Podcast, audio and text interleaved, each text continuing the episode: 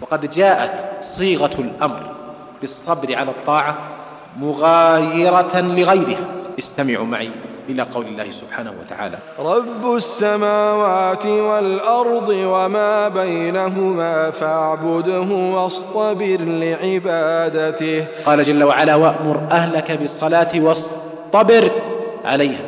استخدم صيغة الافتعال التي تدل على المبالغة في الفعل.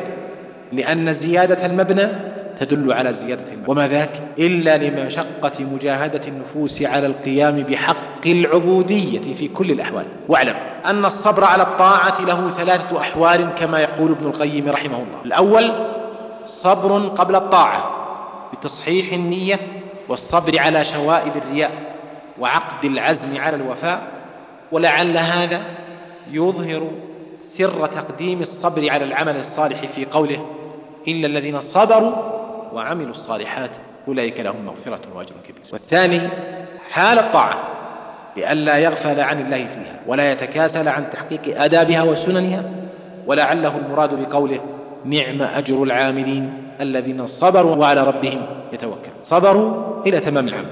الثالث بعد الفراغ من الطاعة فيصبر على عدم إفشائها والمراءة بها والإعجاب وترك ما يبطلها.